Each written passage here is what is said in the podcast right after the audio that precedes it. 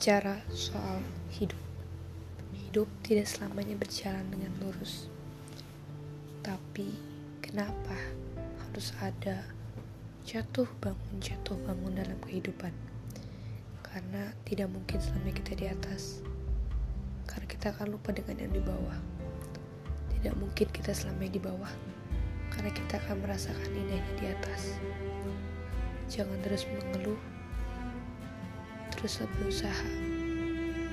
Ketika kita di atas, janganlah sombong. Dan ketika kita di bawah, jangan menyerah. Bersyukur dengan keadaanmu sekarang. Ketika kamu merasa di bawah, ada lagi yang lebih di bawah darimu.